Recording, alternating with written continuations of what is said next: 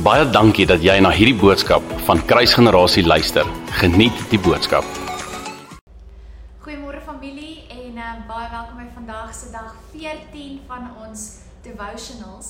Voor ek begin wil ek elkeen uitnooi om môreoggend saam met ons um deel te wees van ons diens. Ons het 10uur môreoggend 'n diens waar ons lekker gaan saam worship en direk na die worship gaan ons bietjie woord bedien en dan nooi ons julle uit om saam met ons nagmaal te gebruik.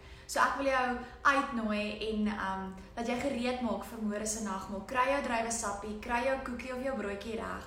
Maak seker dit alles reg. Kry jou hele familie of gesin bymekaar en join ons môreoggend 10uur. So daar gaan nie môreoggend 9uur 'n gewone gebedsessie wees met worship nie, maar wel van 10uur af gaan ons worship, daarna woord en daarna nagmaal en dit sal vir ons lekker wees as julle ons almal kan join as 'n familie. Nou vir oggend wil ek gesels um ek is nog steeds op die topik van gedagtes. Ek is nog steeds daar. Die Here hou my nog steeds daar die hele tyd en hy gesels die hele tyd met my oor seker maar my eie gedagtes, maar dis vir my lekker want um ons almal het gedagtes. So dit dit dit is van toepassing tot almal. En ek wil graag vanoggend met julle vir julle lees uit 1 Petrus 1 vers 13 en dan gaan ek in die Afrikaans en die Engels lees. Die Afrikaanse vertaling sê daarom om God die lendere van julle verstand wees nigter en hoop volkome op die genade wat julle deel word by die openbaring van Jesus Christus. En dan in die Engelse vertaling sê dit therefore gird up the loins of your mind be sober and rest your hope fully upon the grace that is to be brought to you at the revelation of Jesus Christ. Nou wanneer Petrus hierdie deel skryf verwys hy eintlik na iets in die kultuur van die oosterse mense. En dit is dat man of vrou het gewoonlik rokke gedra of long robes. Dit is wat hulle gedra het in daardie tyd. En vandag nog in meeste oosterse lande sal jy sien mense dra nog steeds rokke. Nou wanneer hy sê gird up the loins of your mind of omgord die lendene van jou verstand, dan verwys hy in die letterlik hoe hulle in daardie tyd wanneer hulle begin hardloop het of wanneer hulle moes gaan veg het, moes hulle letterlik hierdie rokpante optel sodat hulle kan hardloop, sodat hulle kan beweeg en vorentoe kan beweeg. Want anders sou hierdie stukke lap eenvoudig om hulle bene net gekoek het. Dit sou veroorsaak dat hulle stadiger was en hulle sou 10 teen oor hulle eie voete geval het. OK? So hy sê, hulle moes dit optel, letterlik omgord dit. Hulle het dit opgetel en hulle het daai stukke, daai pante materiaal wat daar gehang het, het hulle dan nou vasgebind om hulle middele of om hulle heupe sodat dit uit die pad uit is wanneer hulle beweeg het. Kyk nou wanneer Petrus vir ons hierdie skrif gee, wanneer hy dit dit noem, dan bedoel hy nie ons moet letterlik ons rokspante optel nie, want ons het nie almal rokke aan nie. Hy praat hier van materiaal, geestelike goederes, en dinge in ons lewens wat ons sal moet optel en uit die pad uit kry sodat ons vorentoe kan beweeg. Kyk, en um, wanneer jy hierdie stukke materiaal of hierdie hierdie rokpante in die gees dan nou optel, sal dit keer dat jy nie stadig word nie. Dit sal keer dat jy nie op die einde van die dag verloor nie. Wat beteken dit? Ons moet the loose ends in ons gedagtes en ons in in in ons emosies moet ons vasbind. OK? Daar's baie loose ends in ons gedagtes. En as ek 'n voorbeeld dalk kan noem is, um kom ons sê in jou verlede het jy dalk iewers vrees tegemoet gekom en deur berading of deur die woord of deur bevryding of enige manier hoe die Here jou gehelp het, het jy hierdie vrees oorkom en het jy daarmee gedeel. Maar nou die kleinste en die geringste dingetjie, um wat dalk te maak het of te doen het met met daai selfde gebeurtenis, kan dalk weer vinnig vrees in jou hart wil laat opspring. Okay? That is a loose end that needs to be tied up. In ons gedagtes en in ons emosies. En in hierdie tyd waarin ons nou is, kan daar dalk sekere goed wees wat weer vrees of angs of negativiteit wil laat opspruit in jou in jou hart of in jou gedagtes. En Petrus sê eenvoudig hierso tie up the loose ends. Deel daarmee. Maak seker jy omgord die lendene van jou verstand. Die tweede ene waarna dit kan verwys is ons moet die gedagtes, die verkeerde gedagtes wat ons het, moet ons begin korrigeer. Ons moet dit die die manier hoe ons dink wat verkeerd is, moet ons regstel. En dit is hoe die Heilige Gees ons ook help. Wanneer ons 'n verkeerde gedagte het, dan word ons bewus daarvan. Ons almal weet wat is reg en verkeerd. So ons is bewus van ons verkeerde gedagtes. Maar nou kan ons dit nie net los nie. Ons kan dit nie net laat verbygaan nie of dink dit gaan uit uit hulle self uit net weggaan nie. Nee, we have to tie up that loose end. Ons moet daai verkeerde gedagte bring na die voete van Jesus toe sodat daai gedagte gekorrigeer kan word, sodat dit reggestel kan word. Ons moet die stukke loshangende lappe in ons gedagtes vasbind. En dit doen ons deur die autoriteit wat Jesus vir ons gegee het. En ek lees in 2 Korintiërs 10 vers 4 en 5.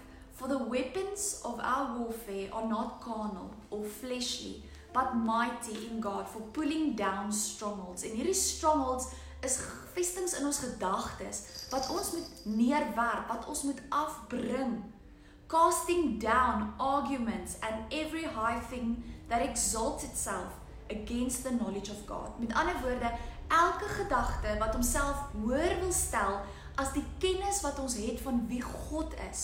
Daai openbaring wat ons het van wie God is. Die feit dat hy goeie God is, die feit dat hy liefde is, die feit dat hy vir ons reeds genesing, reeds salvation op die kruis bewerkstellig het. Dis goed wat ons reeds weet.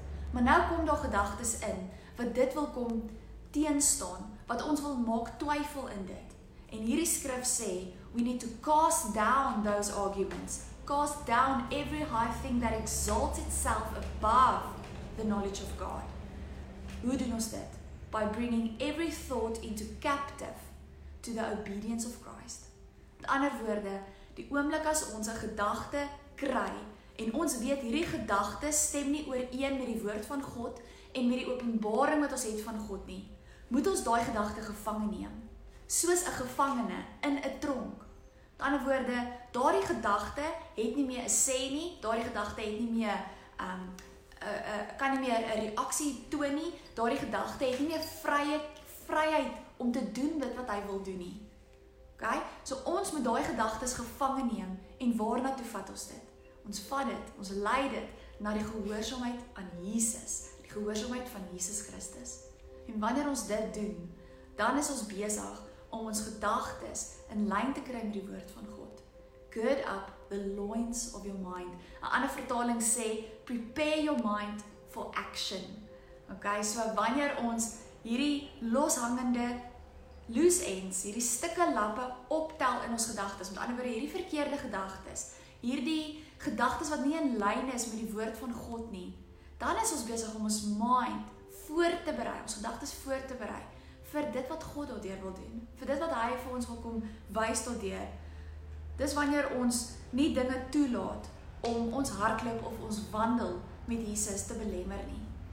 Daardie stukke lap wat om hulle bene sal sal koek en sal vou en hulle sal sal keer om te kom by hulle bestemming waar hulle moet uitkom.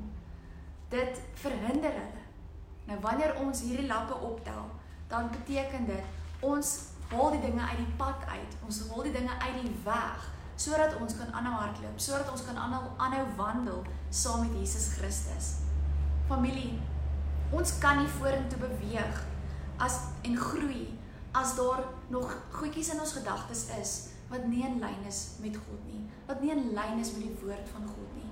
So tie up the loose ends in your mind.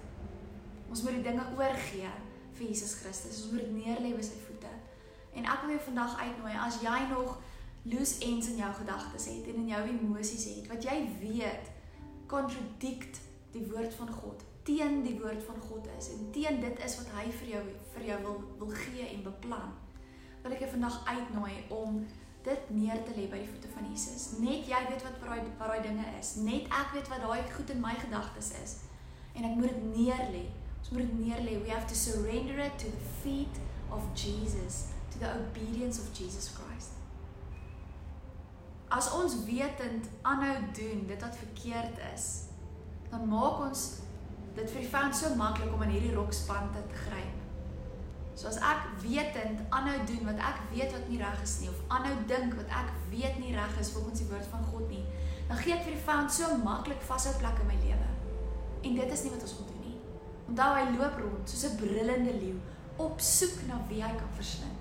So as ons lospante, losstukkies oral gaan gaan los hê wat net rond hang in ons gedagtes, gaan dit so maklik wees vir die vyand om dit vas te gryp.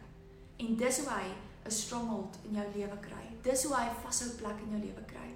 So maak seker vandag dat jy neer lê dit wat nog loshang, dit wat rondhang, daardie rokspante in jou gedagtes wat nie in lyn is met die woord van God nie. Kom ek bid vir ons. Vader, dis vir my so wonderlik om te weet dat ons na U toe kan kom met elke liewe gedagte, Here, wat ons het. U ken daardie gedagtes al reeds nog voor ons te dink, dan weet U dit. En ek bid vandag vir elkeen van ons familielede wat kyk, elke persoon wat na hierdie hierdie devotional kyk, Here. Mag ons vandag so in bewus word van U teenwoordigheid en van U Gees wat vir ons kom wys waar in ons gedagtes en waar in ons emosies is nog loose ends. Here, dinge wat ons moet vasbind, dinge wat ons moet in lyn kry met U woord en met U wil. Help ons vandag, Here, om dit neer te lê by U voete. Om nie so hoogmoedig te wees en trots te wees in onsself deur te dink ons sal dit self kan hanteer en self kan uitsorteer nie. Nee, Jesus, maar ons neem elke gedagte gevange wat nie lyk soos U gedagtes nie. And we lead it to the obedience of Jesus Christ. Dankie Here dat U vandag vir ons die mind of Christ gee. Help ons vandag, Here, om ons gedagtes te rig op die dinge daarbo, om te fokus op dit wat U sê, dit wie U is, op die waarheid in die openbaring wat ons het van Jesus Christus. En om nie toe te laat dat teenstrydige gedagtes ons fokus wil kom afval van U af nie. Dankie Here dat U elkeen van ons familielede vandag so seën en so oorweldig met U liefde en met U genade en met U teenwoordigheid. Ons kan nie anders vandag Here as om vir U te sê hoe lief ons vir U is nie. Hoe dankbaar ons in ons harte is Here dat ons U mag ken nie. En ons gee al die eer voor in die naam van Jesus. Amen. Baie dankie dat jy na hierdie podcast geluister het. Indien jy die boodskap geniet het, deel hom asseblief met jou vriende.